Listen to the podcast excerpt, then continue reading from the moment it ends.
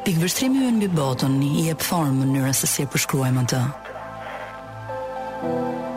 Por ç'mund të ndodhë në një botë kur perceptimet tona plazmohen identike, më shumë se kurrë më parë?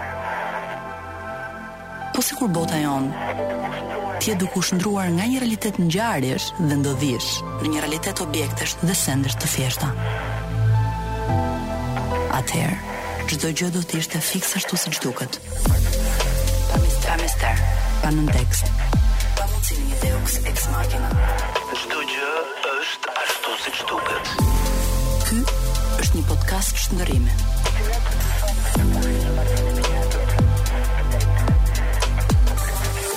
Çdo gjë është ashtu siç duket. Mirëmbrëma, sot uh, është data 28 prill, ditë e enjte, ora sigurisht 6 mbasdites si gjithmonë, kur uh, ne hyjmë në transmetim me çdo gjë është ashtu siç duket, një podcast që siç e dini tashmë ka disa puntata që ka nisur në Top Albania Radio. Ëm um, nga çfarë nisemi sot? Cila është po themi shkëndija e parë që uh, e ka ndezur ëm uh, idenë e këtij podcasti të sotëm? Ka qenë dita e tokës, më datë 22 prill, ka qenë dita e tokës, një ditë të cilën ne uh, përgjithësisht jemi mësuar ta përkujtojmë nga rrjetet sociale. Uh, duhet thënë që shpesh vetëdija jonë për ditën e tokës edhe në vetvete për marrëdhënien që ne si njerëz kemi me tokën është një vetëdije shumë e ulët për fat të keq, edhe për këtë do flasim sot, për vetëdijesimin, për edukimin. për mënyrën se si ne i qasemi ë uh, po themi mjedisit përreth, por sigurisht edhe vetes tonë, ë, sepse në një farë mënyre um, ka shumë besime të cilat mendojnë që ajo që është jashtë në fakt në një lloj forme është dhe pasqyrimi i asaj që është brenda. Pra, um, është e vështirë që këto dy entitete të jenë të shkëputura nga njëra tjetra. Megjithatë, ne ditën e tokës jemi mësuar shpesh ta përkujtojmë edhe me disa nisma, siç është për shembull fikja e dritave në një moment të caktuar, ndezja e qirinjve në sheshe të ndryshme të kryeqyteteve të botës dhe um, nisma të tjera të cilat më shumë um, po themi i riprodhojmë si refleks ose si dëshirë për të qenë në komunitet, në një komunitet specifik, apo sepse bëjnë trend apo sepse bëjnë hashtage specifike, po në fakt Rrallë ndodh ai që është vërtet reflektimi dhe vetëdijesimi i çfarë do të thotë vërtet dita e tokës dhe çfarë po ndodh me tokën. Shumica prej nesh, ëm um, siç mund ta dini edhe unë uh, ndër ju sigurisht, jemi të familjarizuar të familjarizuar me disa fjalë dhe koncepte, të cilat uh, qarkullojnë rëndom në në mediat tona, siç janë për shembull ndryshimet klimatike, um, emetimet e karbonit, ndotja e ajrit, mungesa uh, ose pamjaftueshmëria e ujit, por shumë pak vëmendje është përqendruar tek toka. Kur flasim për tokën, themi pra tek toka si dhe, ë, si po themi um, substrati i prodhimit nga i cili ushqehemi të gjithë.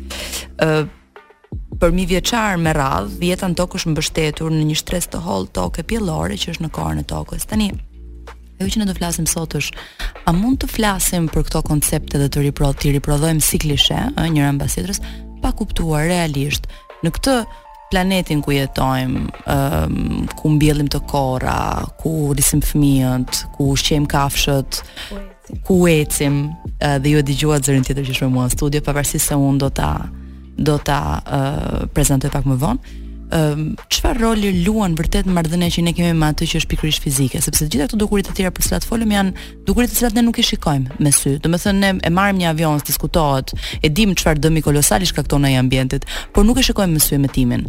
Ëm uh, sikurse dhe shumë fenomene të tjera që që ndodhin, të cilat Sigurisht kemi edhe filluar t'i ndjejmë. Siç ju premtova, që do të prezantoj edhe të ftuarën time sot në studio. Un kam kënaqësinë të kem këtu Elona Spahiun, e cila është aktiviste e lëvizjes Conscious Planet Save Soil, një lëvizje që uh, synon të mobilizojë mbështetjen e qytetarëve e kom, në nga kombet e të gjithë botës. Um, për të angazhuar, po themi, qeveritë të marrin masa sa i takon çështjeve um, ekologjike, sidomos shpëtimit të tokës. Uh, Elona është Edhe autore e dy librash motivues, mirë se vjen. Faleminderit. Faleminderit, mirë se ju gjej. Është kënaqësi. Për ne është shumë kënaqësi që je këtu në studio me ne dhe ke mundësi të ndash edhe opinionet e tua, po dhe nismat mm. që që ndërmerrni dhe mbi të gjitha filozofinë me të cilën i qaseni planetit tonë. Okay.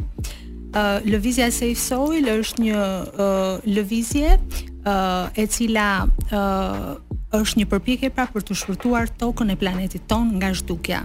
Uh, kjo është një lëvizje globale që Sadhguru ka ndërmarrë uh, për të sjellë uh, vëmendjen ndaj zhdukjes së tokës. Uh, sepse uh, toka po po zhduket në mënyrë uh, katastrofike. Dhe uh, këto ndryshime me të cilat do të përballet njerëzimi janë katastrofike gjithashtu. Ë uh, Sadhguru do të ndërmarrë uh, Sadhguru do të ndërmarrë për këtë, ka ndërmarrë për këtë një udhëtim prej 30.000 uh, kilometrash, uh, duke filluar që nga Londra, ë uh, dhe do ta përfundojë pra në uh, Indinë e Jugut, duke shkuar në 25 vende dhe duke rritur pra vetëdijësimin, ashtu siç e thatë dhe ju, vetëdijësimin e njerëzve dhe aktivizimin për të vepruar qeveritë për të ndryshuar politikat në lidhje me shpëtimin e tokës. Përpara se të kalojmë tek nisma në vetvete, se kjo është e rëndësishme, shumë njerëz që na dëgjojnë sot, në radhë parë Elona, lutem m'u drejto me ti në radio. se ne e kemi shumë po. bisedor si format po, dhe unë, po. domethënë, krijon një lloj barriere që nuk ka pse të ekzistojë. Um, ehm, por realisht, përpara se të kalojmë tek nisma që po merr uh, Sadhguru dhe të gjithë mhm. njerëzit që janë asociuar dhe organizatave të mëdha mhm. ndërkombëtare, mhm. të cilat janë, po themi, mbështetëse, mbështetëse, dhe kjo është për t'u thënë gjithashtu, pra, t'ia shpjegojmë pak njerëzve të cilët Këtë histori nuk e kuptojnë. Mbase i duket sikur kur themi pasoja katastrofike, i duket sikur jemi duke ekzagjeruar gjënë, sepse potencialisht njerëzit mendojnë që mund të jemi pjesë e një axhende filan apo fistek, e cila është gjithmonë, njerëzit kanë tendencën për të parë teori konspirative dhe aty ku këto teori nuk janë. Kështu që unë dua të them katër gjëra shumë të thjeshta që njerëzit të kuptojnë kur ti thua zhdukje e tokës. Mm -hmm. Çfarë nënkupton me këtë gjë? Pra kemi dëshirë, kam dëshirë t'u jap njerëzve një panoramë të asaj që momentalisht është duke ndodhur në planet dhe çfarë pasojash mund të ketë në një të nesërme.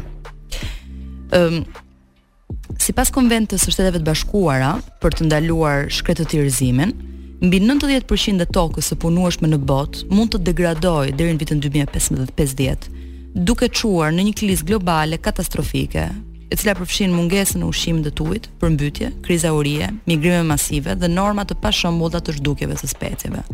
Disa nga krizat kryesore që shkakton pikërisht degradimi i tokës, pra i dheut, asaj për të cilin po flisnim në 3 minutëshin e parë, është kriza e ushqimit, e cila parashikon që në 20 vitet e ardhshme pritet 40% më pak prodhim për 9.3 milion njerëz në planet.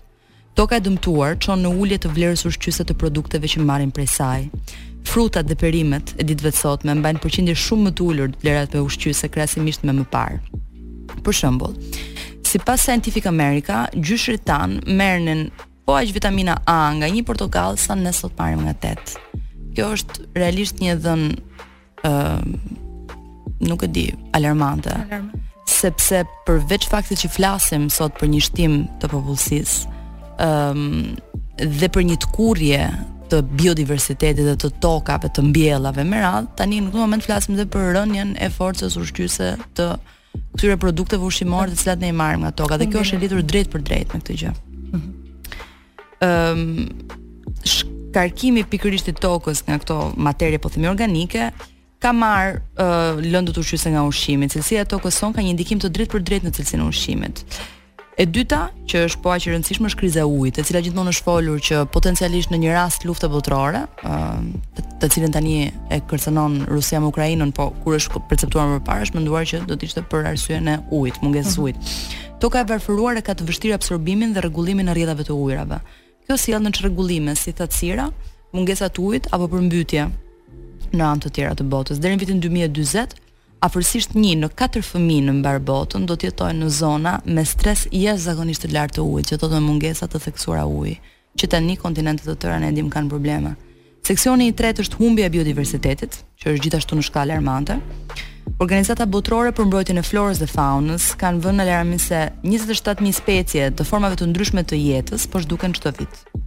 Humbja e këtij biodiversiteti është një cikël i mbyllur, pasi përpos se shkaktohet nga varfërimi dhe degradimi i tokës, në të njëjtën kohë shkakton varfërimin e tokës. Pra duket sikur ne kemi ngelur në një si spirale, nga e cila nuk po dim të dalim. Domethënë sa më shumë nuk e di a ke parasysh një fenomen që quhet italianët e quajnë sabbie mobili, që janë këto rërat e lëvizshme që ti sa më shumë tenton të dalësh aq më shumë, aq më shumë zhytesh brenda. Duket sikur kjo është ky është qerthulli në të cilin kemi ngelur sa i takon raportit tonë me planetin. Kriza ka arritur në një pikë të tillë ku rreth 80% e biomasës së insekteve është zhdukur. E treta është ndryshimi klimaterik, kriza e madhe klimatike që po kalojmë. Dhe kjo është prapë shumë e rëndësishme. Unë kur e lexova, më bëri shumë përshtypje sepse nuk isha në dijeni të pikërisht rolit qendror që ka dheu, ka toka, pikërisht në rregullarizimin e gjithë këtyre proceseve. Edhe është interesante sepse duket që ëm um, asnjë nga këto dëme të mëdha nuk është i palidhur me njëri tjetrin. Gjithçka është e lidhur me njëri tjetrin. Gjithçka është e lidhur. Ne të gjithë jemi të lidhur. Ne të gjithë jemi të lidhur. Ne të gjithë japim kontributin, japim dhe marrim në çdo moment.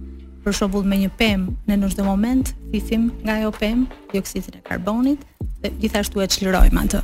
Kështu që ne gjithë kohës, gjatë gjithë kohës jemi duke marrë dhe duke dhënë ose kur janë ciklet e hënës për shembull, mm -hmm. kur ngrihen oqeanet mm -hmm. në këto ciklet e hënës, pse kujton ti që edhe në trupin tonë nuk ngrihet niveli i ujit, pasi ne jemi 70% e trupit të njeriut përbëhet nga uji. Kështu që ne jemi jashtëzakonisht të lidhur, pra çdo gjë në univers nuk është kot. Mhm. Çdo mm -hmm. gjë ka ka atë uh, misionin e vet që e përçon nga njëra hallkë në tjetrën. Kështu që është shumë e rëndësishme që toka, meqenëse përmban edhe ë uh, pjesën më të madhe të jetës, mbi 99% të jetës e përmban toka, ë uh, kështu që ajo aty ndodhen mikroorganizma, uh, në një lugë kafeje uh, dheu ndodhen uh, më shumë mikroorganizma se ç'ka uh, njerëz në të gjithë botën, në të gjithë planetin tonë kjo është shumë interesante. Ëm um, edhe ndërlidhja pikërisht me se si të gjithë jemi të lidhur, se si Edhe krizat janë të lidhura. Çdo gjë është ashtu si duket, edhe dëmi i madh që ë um, po themi shkujdesja jonë, jo shkujdesje në sensin pozitiv siç e përdorim shpesh, është njeri i shkujdesur, është njeri i lirë, por që shkujdesja jonë dhe mungesa jonë e përgjegjësisë ndaj ekosistemit është është duke i shkaktuar realisht dëme të mëdha. Në um, një tjetër krizë uh, e shkaktuar pikërisht nga marrëdhënia që ne kemi me tokën, me dheun, është dhe ndryshimi klimatik, për të cilin kemi folur shpesh. Unë mësova që karboni i përkapur nga dheu është 3 herë më shumë se ai që përkapet nga bimët dhe 2 herë më shumë se sa ai që ndodhet në atmosferë, që domethënë se toka, dheu, ka rol shumë aktiv në ngërthimin e karbonit dhe pastrimin e ajrit. Nëse toka dhe dheu nuk rigjenerohen, mund të shkojë deri aty sa të çlirohet në atmosferë 850 bilion ton dioksid karboni, duke kontribuar kështu në një katastrofë të vërtetë klimatike. E kuantifikuar, kjo do të ishte shumë më shumë se gjithë emetimi njerëzor i 30 viteve të fundit. Pra çdo gjë që ne kemi bërë në 30 vitet e fundit, që le të themi ka qenë po themi në majat e e mungesës së qëndrueshmërisë, do të ishte asgjë krahasimisht me çfarë do të ndodhte në këtë rast. Tani, pse këto janë të rëndësishme ë uh, në nivel shoqëror dhe demografik? 74% e të varfërve afektohen nga degradimi i cilësisë së dheut. Sipas forumit botëror ekonomik, vlerësohet që degradimi i tokës në terma financiar kushton triliona dollar çdo vit. E gjithë kjo do të mund të krijojë një efekt domino sa i takon jetës së biliona njerëzve dhe popullatave të ndryshme në planet. Rritja e popullsisë dhe pakësimi i ujit do të mund të sjellë lëvizje masive migracioni deri në 2050-ën. Dhe siç të gjithë e dimë shumë mirë, ë uh, mbas lëvizjeve të mëdha të migrimit dhe të zhvendosjes së popullatave ka gjithmonë luftra, sepse arsyeja kryesore e nisjes së një lufte është toka, është pronësia mbi tokën, është e drejta mbi një territor.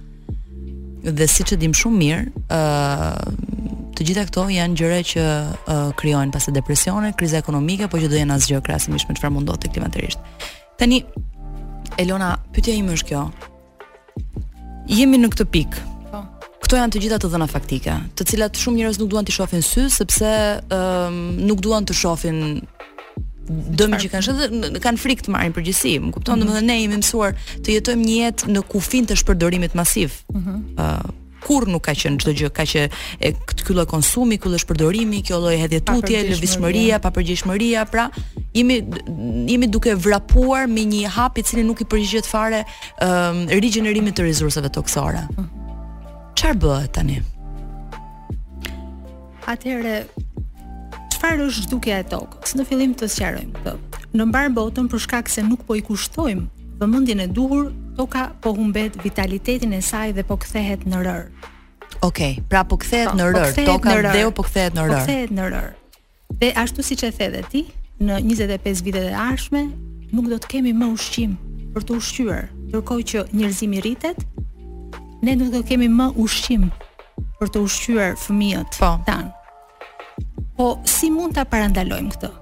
Atëherë, në vendet përreth botës duhet vendosen politika kombëtare për të siguruar përmbajtjen organike minimale që është 3%. Okej, okay, nga 3 deri në 6%. Po. Është kjo ë uh, lënda organike mm -hmm. që uh, edhe uh, Sadhguru ka ndërmarrë dhe këtë lëvizjen pikërisht për ta sjellë pra në vëmendje të qeverive për të ndryshuar këto politika kombëtare edhe për t'i për të rritur pra lëndën organike të tokës, që është kaq e rëndësishme. Ja ajo shtresë e hollë 3% deri në 6% na shërben pra për të prodhuar ushqimin, gjithashtu është edhe uh, baza ku jetojnë mikroorganizmat, që është shumë e rëndësishme, siç janë krimbat, uh, janë uh, kërpudhat, Janë mikroorganizma të tjerë, bakterie, të cilat shërbejnë për zbërthimin e lëndëve ushqyese dhe këto bëjnë që të ushqehet bima, që të rritet bima mbi sipërfaqe. Pra është shumë e rëndësishme, pra, sepse siç e thamë në një lug dheu, ë uh, jetojnë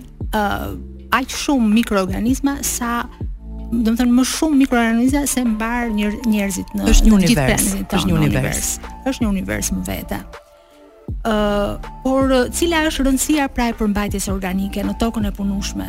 toka është e shëndetshme dhe e kultivueshme vetëm kur ka përmbajtje organike. Mm -hmm. Dhe ajo degradon dhe bëhet më pak pjellore nëse përmbajtja organike në të është e pamjaftueshme.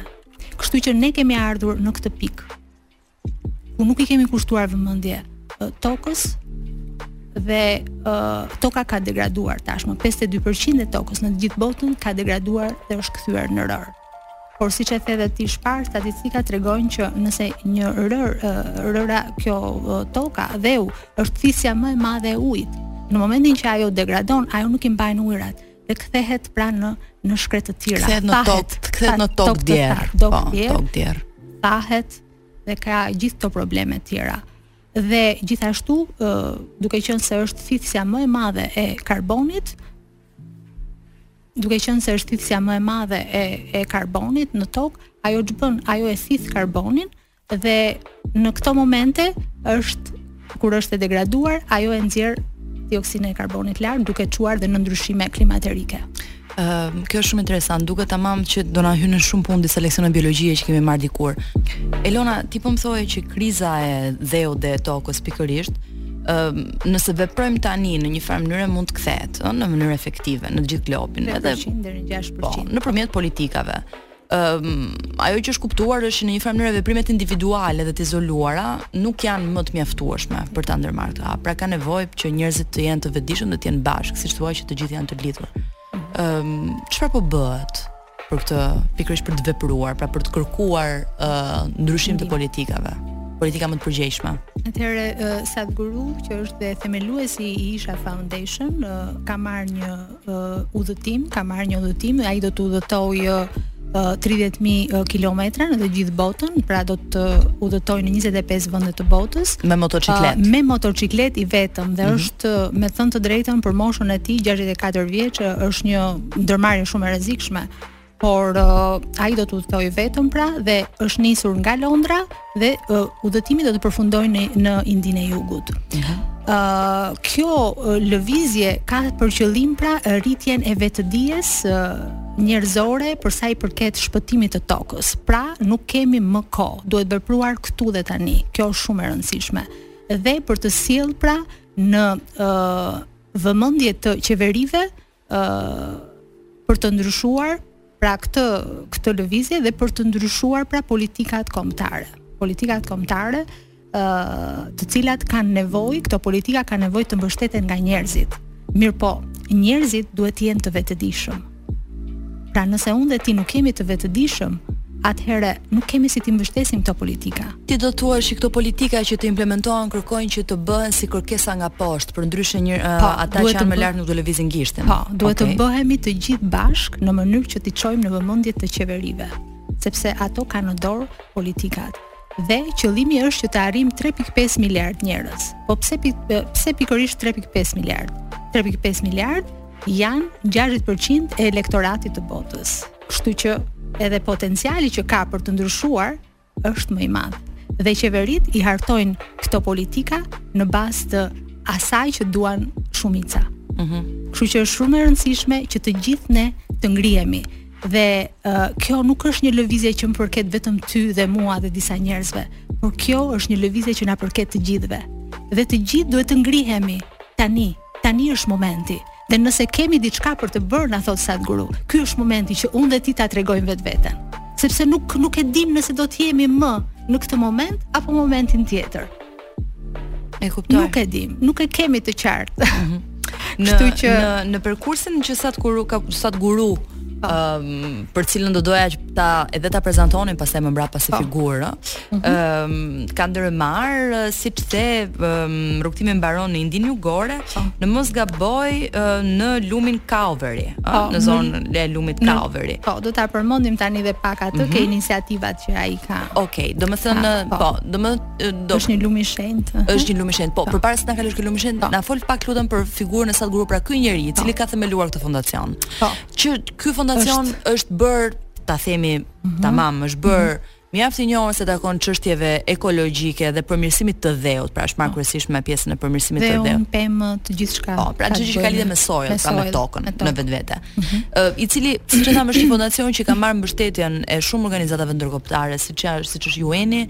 mm -hmm. siç është World Economic Forum, siç është UNICEF-i pra të ndryshme. Edhe të shumë celebrities ka marrë, po. domethënë që po e mbështesin nga e gjithë bota. Po, po celebrities nga njëra anë duket sikur e mbështesin sepse është një përfitim i dyanshëm, ndërkohë që mua më intereson niveli organizativ, domethënë. Jo, ka dhe shumë dhe celebrities që janë për, që janë uh, përkrahur, kanë përkrahur dhe nuk është uh, kjo kjo lloj përqasje, domethënë është okay. përqasje sepse ato janë të vetëdijshëm për atë që që po bëjnë. E kuptoj. Për këtë mbështetje. Ëh, uh, po. cilat ju janë iniciativat? Eksa Lëvizje, kush është Sadhguru dhe ça iniciativash ka? Atëherë, Isha Foundation është një organizatë jo qeveritare dhe shpirtërore apo spirituale, e cila është themeluar në vitin 1992 nga Jagi Vasudev, ky është emri i Sadhgurus. ë dhe Ajo uh, mirëpret uh, domethënë qëllimi i kësaj i Isha Foundation është që të rris vetë dijen njerëzore. ë uh, të rrisë vetëdijen njerëzore dhe ë uh, në mënyrë që ë uh, qenia njerëzore të shpërfaqet ashtu siç është në të vërtetë. Që do të thotë të shpërfaqet do të thotë që sepse ne Në gjithë këtë kohë po i kushtojmë më tepër rëndësi intelektit, pjesës mendore dhe e kemi zhvilluar më shumë se ç'duhet. Por Sadhguru dhe të tjerë të ndriçuar ë uh, kanë dalë mbi këtë, mbi intelektin. Pra, kanë shkuar në atë hapësirë ku intelekti apo mendja nuk ka ndikimin e vet. Pra, këto uh, Isha Yoga Center, e cila ndo është uh, krijuar nga uh, nga Isha Foundation, pra uh, ka krijuar pra uh, programe, metoda uh, të ndryshme pra pikërisht për këtë për rritjen e vetëdijes njerëzore. Pra ne të kalojmë nga instinkti i mbijetesës dhe të lulëzojmë si qenie njerëzore. Kjo është shumë e rëndësishme dhe aty ka hapësira, po të shkojmë të, po të shkoni tek uh, Isha Yoga Center apo nëse e keni parë nëpër uh, videot në YouTube, uh, ka hapësira me një energji fantastike. Pse bëhen këto? Këto mungojnë, pra janë si puna e tempullit, kur ti hyn në tempull, atje ka tjetër energji. sepse është një energji e koncentruar dhe e mishëruar nga nga këta njerëz. Është një energji që, që nuk lidhet me materien. Është një energji e cila të çon lart. Mm -hmm. Domethënë ti kur del prej aty, ty papritur bota të duket e mrekullueshme. Domethënë, është një energji tjetër. Por, po këtë energji ne e kemi dhe brenda vetes. Kjo është shumë e rëndësishme.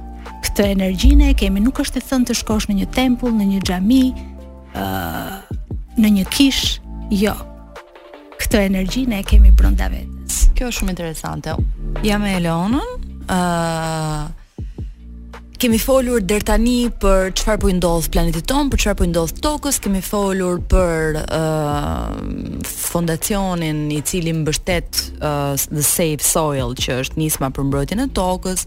Kemi folur për nismëtarin, që është Sadhguru, kemi folur edhe për shumë shqetësime të tjera që kemi në lidhje me jo vetëm ku po jetojmë, po çfarë planeti do lëmë mbrapa. Uh, Elona, të cil, cilat janë disa nga nismat e tjera të ndërmarra, po themi nga nga ky fondacion? Po. Po Ana, uh, disa nga nismat uh, e ndërmarra janë uh, nismat mbi sociale dhe mbi uh, mjedisin. Mm -hmm. uh, është projekti Green Hands. Ky projekt Green Hands është themeluar në 2004 nga uh, si një organizatë pra mjedisore dhe uh, aktivitetet e saj janë të uh, gjërësisht të fokusuara në Tamil Nadu. Mm -hmm. Tamil Nadu është një shtet në Indinë Jugore. Ë uh, gjithashtu për shkak të këtij uh, suksesi që ka pasur ky projekt, pra në uh, i cili përfshin agroforestrinë, agropyllëzimin, Uh, dhe uh, mund ta shpjegojmë pak se ç'është agropyllëzimi se është shumë interesante. Okej, okay, dakord. Uh, po. Atëherë agropyllëzimi është toka e cila uh, përdor sistemin e menaxhimit në të cilin pemët uh mhm. -huh. apo shkurret janë shkurret uh, bimë në formë shkurres të shkurtra, pra uh, rriten uh, përreth pemëve, përreth drithërave apo prodhimit, ose midis tyre, pra duke e pasuruar tokën dhe kjo është shumë e rëndësishme. Kjo është pra një nga nismat që themi që i rikthen po, organicitetin po, tokës, po. lëndën organike tokës. Pra, gjithashtu ky aktivitet pra përfshin pra edhe mbjelljen e pemëve nëpër shkolla, mm -hmm. edhe nëpër qendrat urbane. siç janë uh, Tiruçirapali dhe Tirupuri, këto mhm. emrat e emrat e Indisë së Jugut, po, po Indisë së Jugut. Ë uh, kemi dhe uh, veprimi për uh, rigjallërimin e zonave rurale. Ë uh, kjo është një uh, program i orientuar rreth shëndetit dhe uh, komunitetit. E kuptova. Uh, Do të thotë janë zona janë rurale të janë Tamil Nadus. Janë po, të drejtimeve po. të ndryshme, janë të drejtimeve të ndryshme, pastaj ke ke iniciativën Isha Vidhja, edhe kjo është një iniciativë edukative për ngritjen e shkollave të ndryshme, mm -hmm. për edukimin e fëmijëve nëpër fshatra, për studentët të cilët janë nuk janë të privilegjuar për të shkuar nëpër shkolla. ë uh, Kështu që pra, është janë të shumëllojshme. Po, Rally for Rivers edhe Cauvery Calling, Po, që është një lum i shenjtë për Indinë mm -hmm. dhe më pas kemi pra Save Soil, kjo lëvizje është një zgjatim i kësaj lëvizjeje po, Cauvery Calling. Arsyeja po. pse ne kemi kemi përqendruar vëmendjen këtu te Save Soil po. sepse është më globale, pra është një gjë e cila në një farë mënyrë na prek dhe po. ne si banorë të. Po. Si banorë, si banorë të të tokës. Të tokës. Uh, mm -hmm. Unë do doja që ne të kalonim në një seksion tjetër, që është seksioni i atij që është introspeksioni i brendshëm, por përpara mm -hmm. se ta bëjmë këtë gjë, dua të ngrej një kambanë të vogël alarmi sa i takon çështjeve mbase edhe një mënyrë për të informuar diçka më shumë. Mm -hmm. uh, pse duhet më shumë se kurrë sot informimi dhe kërkimi, pra t'i kërkojmë pushteteve um, dhe qeverive atyre që hartojnë politika, që të mhm. marrin parasysh pikërisht impaktin mjedisor. Ë uh, sepse shpesh, shpesh, ë uh, siç thuhet nga thëna në të bërë është në mes një det i tërë, ë uh, shpesh ka shumë retorikë, por ka shumë pak veprim dhe nganjëherë veprimi shkon uh, shkon kundër asaj që është retorika dhe asaj që parimisht kërkohet. Ne e gjejmë shumë të përhapur dhe në retorikë politike, po themi, vëmendjen ndaj çështjeve ekologjike apo krizave të ndryshme klimatike, por që në fakt Nuk e di sa i përgjigjen. Për shembull, unë dua t'ju sjell një rast, ë, mm -hmm. dhe thënë kjo do kalojmë në seksionin tjetër. Ë, ku së fundi pas ngjarjeve në Ukrainë, e cila sigurisht është një çmenduri dhe një kasaphanë ajo që po ndodh, ë, për gazin natyror të lëngshëm, LNG dhe eksportuesin e tij kryesor që janë Shtetet e Bashkuara, këto janë kohë totalisht të arta. Burimi i energjisë fosile me bollëk në SHBA, duke qenë se konsiderohet si një alternativë e vlefshme për importin ndaj gazit rus në bazë të gjithë embargove dhe sanksioneve që janë vënë, në fakt është kthyer në pikun e vet pikërisht për shkak të konfliktit në Ukrainë. Tani, për Bashkimin Evropian, zgjedhja ishte shumë e thjeshtë dhe e menjëhershme.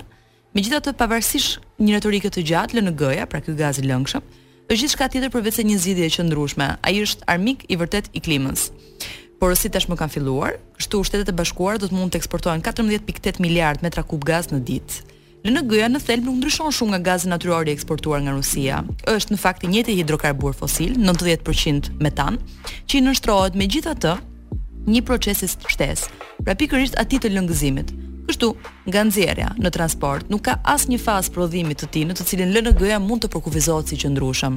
Në të vërtetë, sipas një raporti të Këshillit Amerikan të Mbrojtjes së Burimeve Natyrore, Fokusimi në LNG, sipas parashikimeve aktuale, do të hiqte përfundimisht mundësinë e kufizimit të ngrohjes globale brenda 1.5 gradë Celsius, që është dhe një nga, po themi, parametrat që ne kemi vendosur dhe Konventa e Parisit dhe shumë konventa të tjera gjithmonë ka folur që ne duhet ta ulim gradën e ngrohjes globale pra të mos kalojë 1.5-ën. Të arrijmë në këtë pikë. Fakti është që nëpërmjet aplikimit të këtyre politikave mund t'i themi një herë për gjithmonë mirupafshim.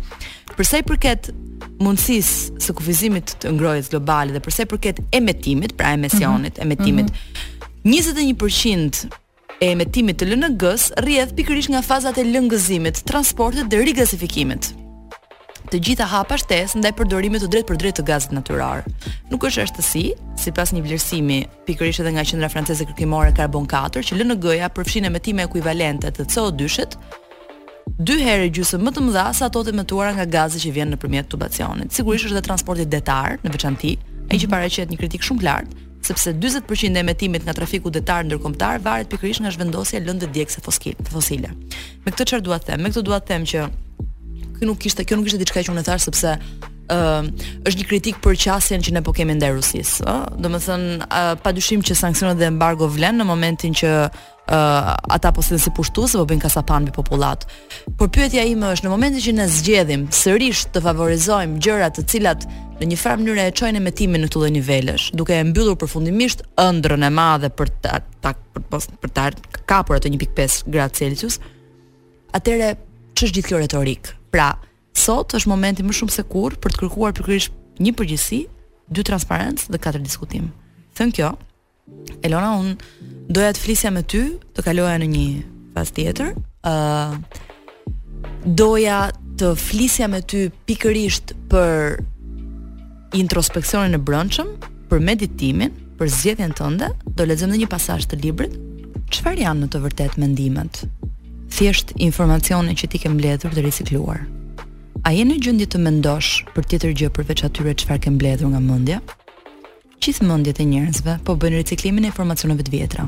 Prandaj unë pyes, dëshiron të jesh një qenie jetësore apo një qenie mendore?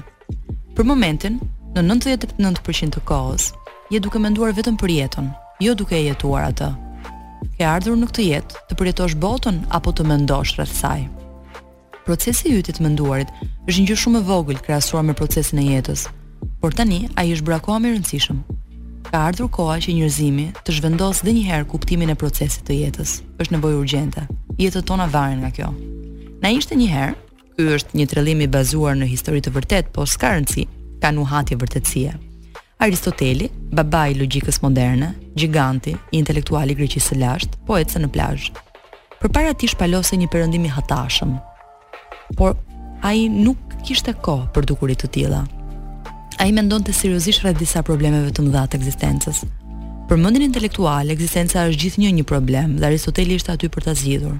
i humbur në mendimet serioze, po endej lart e poshtë plazhit. Aty ishte edhe një njeri tjetër që po bënte diçka me shumë intensitet, kaq fort sa që pas një copë here edhe Aristoteli e vuri re. Ata që janë të përfshirë në realitetet e tyre psikologjike zakonisht nuk e vënë më re jetën rreth tyre. Ata rrallë kanë sy për të parë një lule, perëndimin e diellit, një fëmijë apo një fytyrë të buzëqeshur. Dhe nëse është një fytyrë jo e buzëqeshur, ata nuk kanë ndërmend ta bëjnë të buzëqeshë. Ata nuk kanë kaq detyrime të vogla apo kujdese minimale në këtë botë, janë shumë të zënë të zgjidhin labirintin e ekzistencës. Por ngulmimi i këtij njeriu ishte aq i madh, sa Aristoteli nuk mund të mos e vinte re. E vëzhgoi me më shumë kujdes dhe pa se ky burrë bënte ecejake, shko e ktheu në breg të oqeanit, me një qëllim në mendje. Aristoteli ndaloi reflektimet e tij dhe e pyeti, "Çfarë bën kështu?" Ky burrë iu përgjigj, Të lutem mos më shqetëso. Po bëj diçka shumë të rëndësishme dhe vazhdoi të ecte pa e ndërprerë vrullin. Aristotelit iu lëndua sedra dhe e pyeti sërish, "Po çfarë po bën pra?" I panjohuri u përgjigj, "Mos më shqetëso, është shumë e rëndësishme." Po çfarë qenka kjo gjë kaq e rëndësishme, tha Aristoteli. Burri tregoi një gropë të vogël që kishte gërmuar në rërë dhe tha, "Po zbraz oqeanin në këtë gropë." Në dorë kishte një lugë. Aristoteli e pa dhe qeshi. Dihet se Aristoteli ishte nga ata që mund t'u kalonte viti pa nënqeshur një herë. Duhet zemër për të qeshur. Intelekti nuk mund të qeshë, mundet vetëm të analizojë. Por edhe Aristoteli qeshi me këtë njeri dhe tha, kjo është qesharake, duhet të jesh i çmendur. E di sa i madh është ky oqean. Si mund ta zbrazësh atë në një vrimë të vogël dhe mbi të gjitha me lugë? të paktën po të kishe një kovë, mund edhe të kishe ndonjë shans. Të lutem, dorëzohu, kjo është çmenduri e gjitha. Burri vështroi Aristotelin, hodhi lugën poshtë dhe tha: "Unë e kreva punën time." Çfarë do të thuash? Jo vetëm që oqeani nuk është boshatisur, por as gropa nuk është mbushur. Ku e kreve punën? Burri u ngrit në këmbë. Po mundohem të zbraz oqeanin në këtë gropë me një lugë. Ti po më thua që kjo është çmenduri. Po ti, çfarë po mundohesh të bësh? E di ti sa e madhe është kjo ekzistencë? Mund të përmbajë me miliona oqeane si ky dhe të tjerë, ndërsa ti po mundohesh ta zbrazësh atë në një gropë të vogël që është koka jote. Dhe me çfarë? Me lugë të quajtura mendime. Dorëzohu pra, është krejt qesharake. Ky njeri ishte Herakliti, një tjetër filozof i madh grek. Në një çast të vetëm ai i tregoi Aristotelit sa e gjymtonte ekzistencën, duke tentuar të zgjeronte logjikën në çdo aspekt të jetës. Nëse do të njohësh dimensionet eksperimentale të jetës, nuk ke për t'i njohur kurrë nëpërmjet një procesi gati të papërfillshëm siç është mendimi. Edhe po të kishe trurin e Einsteinit, procesi i mendimit është prapë i lënë pas dore. Sepse mendimi Nuk mund të jetë më i madh se jeta. Mendimi mund të jetë vetëm logjik, duke funksionuar midis dy polariteteve. Nëse do të njohësh jetën në pafundësinë e saj, të duhet diçka më shumë se intelekti. Ky është një pasazh që ma ke rekomanduar ti. Shumë. Nga libri Inxhinieria e Brendshme, Guida e Jogit drejt lumturisë. Cila është marrëdhënia jote me këtë perkurs Elona? Vetëm afrohu pak te mikrofoni, të lutem. Atëherë uh, Ana uh, udhëtimi im drejt vetvetes ka filluar 10 vite më parë uh, me vdekjen e njeriut tim më të dashur, babait tim. Dhe ishte ajo vdekje që më tronditi nga nga themelet, si të thuash, edhe më çoi në një dimension krejt tjetër. Në atë që unë të njihja jetën për atë që është. Dhe fillova të interesohesha më shumë për jetën. Sigurisht që unë isha uh, shumë e e mërzitur, mirëpo në vend që të bija në depresion, sepse po humbja dita ditës njeriun tim më të dashur, babain tim, uh, unë u hodha në krahë të jetës. Dhe këtë gjë e kam shpjeguar më së miri dhe në librin tim të parë, Hapa drejt vetvetes, i cili aty tregoj hap pas hapi dhe hapat e mi që më çuan drejt vetvetes. Ëh, uh, dhe fillova të interesohesha më shumë për jetën. Dhe libri i parë që kam hapur ka qenë i Oshos, motivues dhe shpirtëror, dhe aty kam gjetur të gjitha përgjigje dhe thashë wow, të gjitha ato përgjigje që unë i kisha brenda vetes, ato pyetje, më fal, që i kisha brenda vetes, gjeta përgjigje në atë libër. Sapo e ka, sapo e hapa. Dhe kështu vazhdoi rrugëtimi im dhe fillova të bëhesha më meditative, fillova të zhvilloj intuitën, Dhe më pas u njoha me Sadhgurun. Me Sadhgurun ishte një tjetër udhëtim shpirtëror, fati e desh që unë të isha në Jordani tek motra ime në Aman dhe atje kam bërë një udhëtim shpirtëror 6 mujor në në medit, me meditimin Isha Kriya meditation, të cilin e gjeni në YouTube dhe është një meditim fantastik, jua rekomandoj. domethënë bën një ndryshim rrënjësor. Në qoftë se do ta bëni për 40 ditë rresht, ai të krijon një gjendje të shndërron, të shndërron si si meditim atë forcë ka, aq potencë ka. ë uh, dhe më pas uh, pastaj fillova të ndjek Sadhgurun sepse duke qenë se më është zhvilluar shumë intuita, unë i kam hequr barrierat, që do të thotë që ë uh, mendja ime nuk ka më ndikim tek unë. Domethënë nuk e përdor më mendjen për çdo gjë. Mendjen mund ta përdor për gjërat që më duhet ta përdor, për të zgjidhur diçka, për të shkruar diçka, por ama për gjëra të tjera, siç thuhet edhe në librin e Sadhgurus, për të njohur jetën, duhet diçka më shumë. Pra ti thua që përdor një inteligjencë emocionale. Po, përdor uh, inteligjencën e brendshme, gjithashtu edhe uh, nëpërmjet meditimit zhvillohet shumë dhe intuita. Uh, dhe intuita më ka çuar pra edhe tek Sadhguru dhe më ka çuar tek burimi i duhur. Po unë kam një pyetje, pse po. kur ti the në fillim që kjo gjithë ky material është brenda nesh? Po. Dhe ne meditimin mund ta kryejmë vetë. Pse kemi nevojë për këto mësuesit që i mhm. quan ti, po themi mhm. pse kemi nevojë të drejtohemi mësuesve për të arritur këtë stad po. tonin të brendshëm? Ë uh, është shumë e nevojshme që secili nga ne të ketë një një guru, një mësues, një mjeshtër, mund ta quash çfarë të duash, pse sepse ai do të çojë ty më shpejt drejt burimit. Ti mund të rrish gjithë jetën edhe të marrësh shumë pak. Ndërsa duke pasur një një guidë, duke pasur një guru, ai e ka kaluar nëpër atë ka hartën, është një hartë. Pra ti do të thuash që është eksperienca njerëzore dhe kalon më shpejt është eksperienca. Elona po flisnim për um, unë të bëra pyetjen pse ne për të arritur këtë gjendje ndriçimi dhe elevimi dhe për të përdorur materialin që është brenda nesh në një farë mënyre, siç e the dhe ti, pse kemi nevojë për mjeshtra? Ti më the sepse është një eksperiencë të cilën mund ta përftosh në mënyrë më të shpejtë dhe më të organizuar.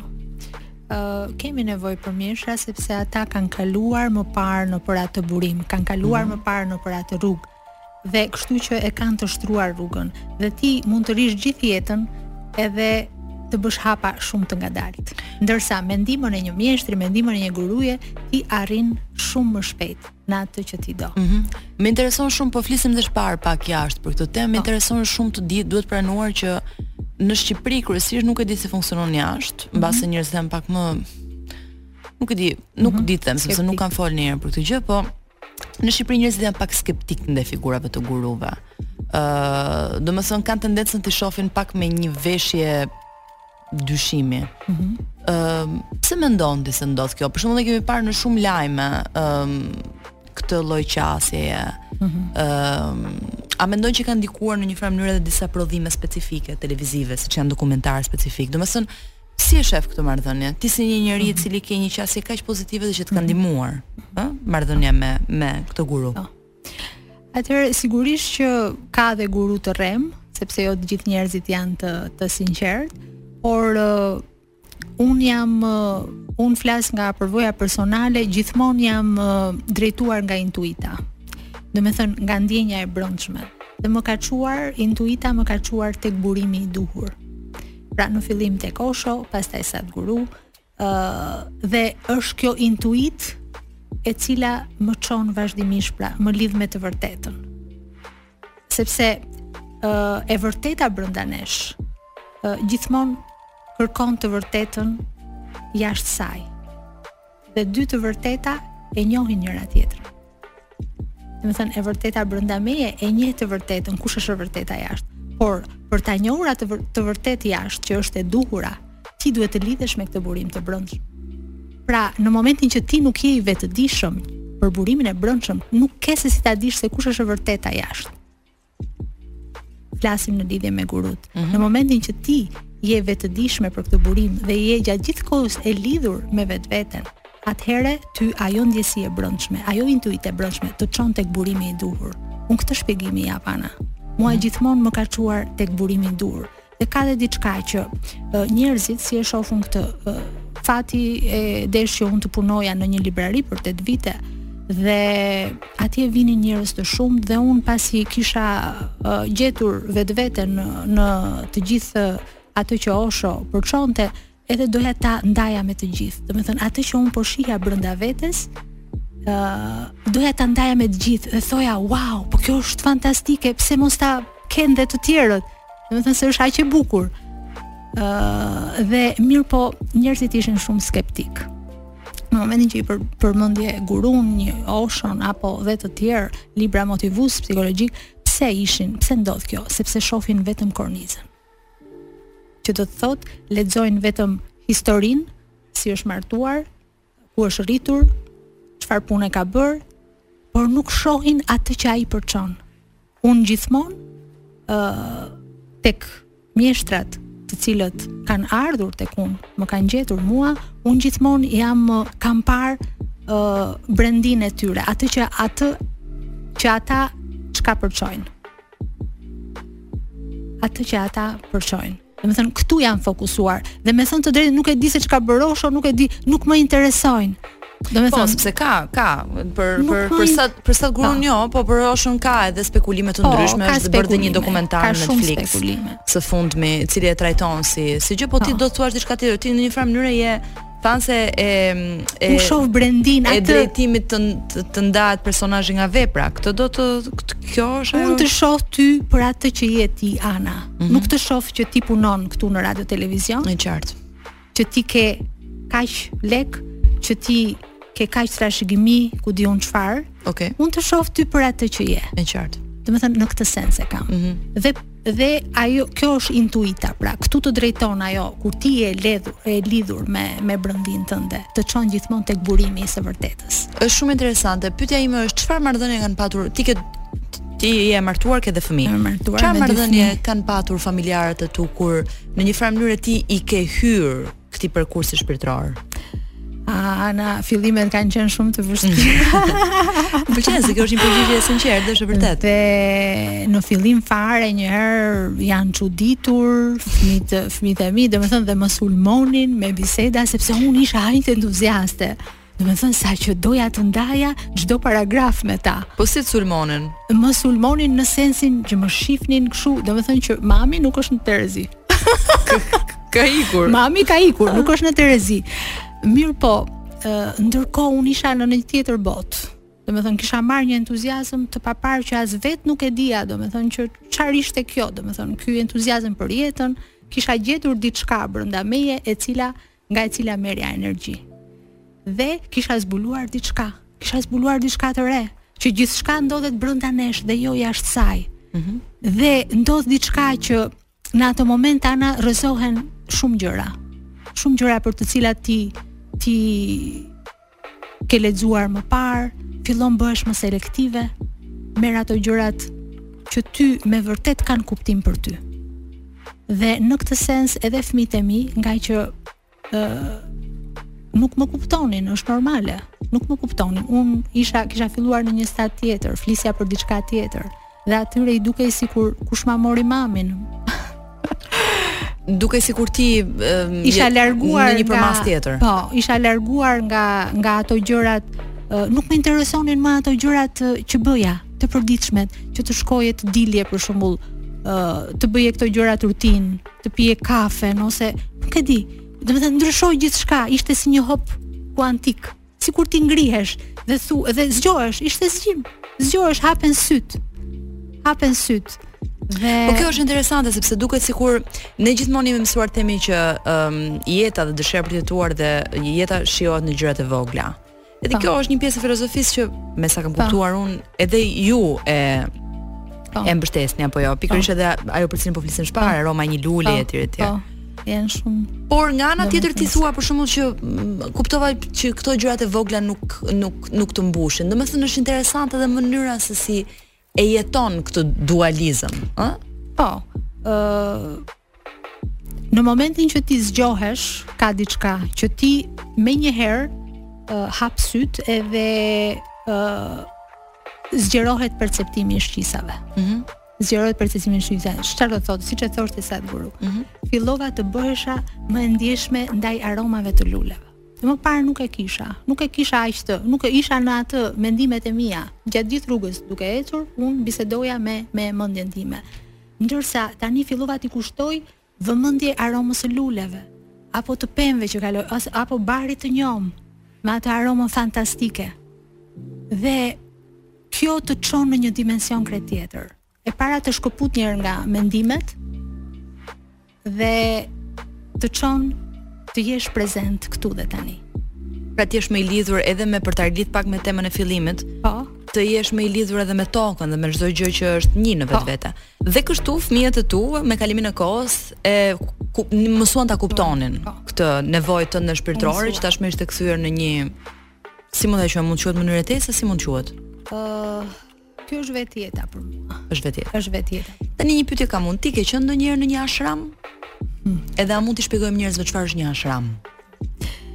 Ëh, uh, unë nuk kam qenë asnjëherë në një ashram, mirëpo dua të shkoj në ashram tek uh, Isha Yoga Center. Ëh, uh, atje është një energji fantastike dhe çdo gjë atje është e ndërtuar në atë mënyrë që kur një njeri hyn aty ë uh, rritet shpirtërisht edhe rritet si vetëdije dhe në momentin që ti mbaron udhëtimin tënd aty brenda dhe del jashtë në botën e jashtme uh, atëherë ty çdo gjë të duket e bukur Domethënë çdo gjë aty është e, e ndërtuar në në këtë mënyrë, pra që të rriti të rrisësh vetëdijen njerëzore. Uh, unë kam aplikuar për Sadhana Pada, pra uh mhm. -huh. po të hyni tek uh, Isha Foundation, tek uh,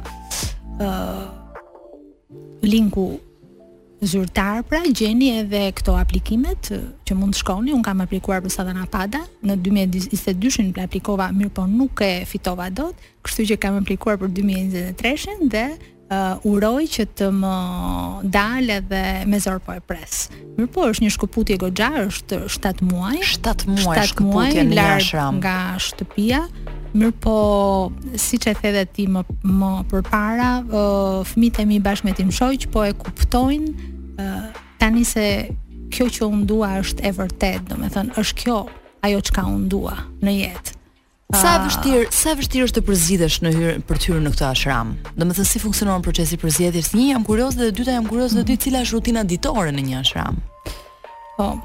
Ë uh, është e vështirë në fakt të përzgjidhesh pasi jo çdo kush mund të hyjë atje në ashram, uh, janë rregullat shumë strikte atje, domethënë dhe të marrin uh, pasi aplikon, ë uh, të marrin në intervistë të parë, të dytë, të tretë, edhe pastaj a të marrin apo nuk të marrin. Domethënë ka, janë shumë strikt si uh, plus që tani edhe me Covidin kanë vënë rregulla shumë strikte, megjithatë tani sikur janë lehtësuar pak, uh, jeta atje me sa un kam parë videot live edhe ç'na tregojnë këto miq tanë, vullnetarët tanë këtu. Uh, Ju jeni një grup. Kanë qenë, ne jemi një grup shqiptar, po. Uh, jeni në kontakt dhe me shqiptarët e tjerë që kanë qenë në Edhe me shqiptarët e tjerë. Uh, dhe kemi bërë edhe inner engineering që është pjesa teorike në libër, uh mhm. -huh. është inner engineering, janë 7 seanca me Sadhgurun online plus kemi bërë dhe Shambhavi Mahamudra Kriya. Është një teknikë e lashtë meditimi e ruajtur, pra në lashtësi dhe e sjellë nga Sadhguru në ditët e sotme. Është një praktikë që unë ja, ja rekomandoj kujtdo, Ana. Ë uh, sepse uh, rregullon gjeometrinë e trupit dhe sjell harmoni në organizëm, uh, duke bërë që këto sëmundjet kronike të zhduken vetvetiu. Edhe siç thamë pra rritjen e vetëdijes njerëzore. Ë uh, Rregullat atje janë janë të forta. Po çfarë pra? bëhet gjatë një dite? Çfarë bëhet gjatë po. një dite në një ashram? Në një ashram. Ai ashram një herë drejtohet gjerësisht nga vullnetarët. Ata e drejtojnë. Atje Pra të gjithë ju. Po, mm -hmm. të gjithë. Ne jemi këtej nga Shqipëria, por jemi online, por atje janë fizikisht që jetojnë atje. Janë që jetojnë për Sadhanapada shtatëmujore, atje ata bëjnë punë fizike. kanë mundësi uh, trajnimi uh, dhe të uh, trajnohen në profesione të ndryshme dhe duke qenë se ato e mbajnë të gjithë ashramin, duke filluar që nga media dhe gjithçka tjetër, secili nga këta bën një punë, trajnohet dhe në momentin që del nga ashrami është i aftë për jetën. Ama është si një shkollë e jetës, si një vetëdijësim për jetën. para se ti të dalësh në jetë.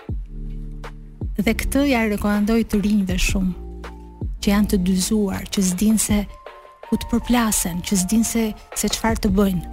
Është shumë e rëndësishme.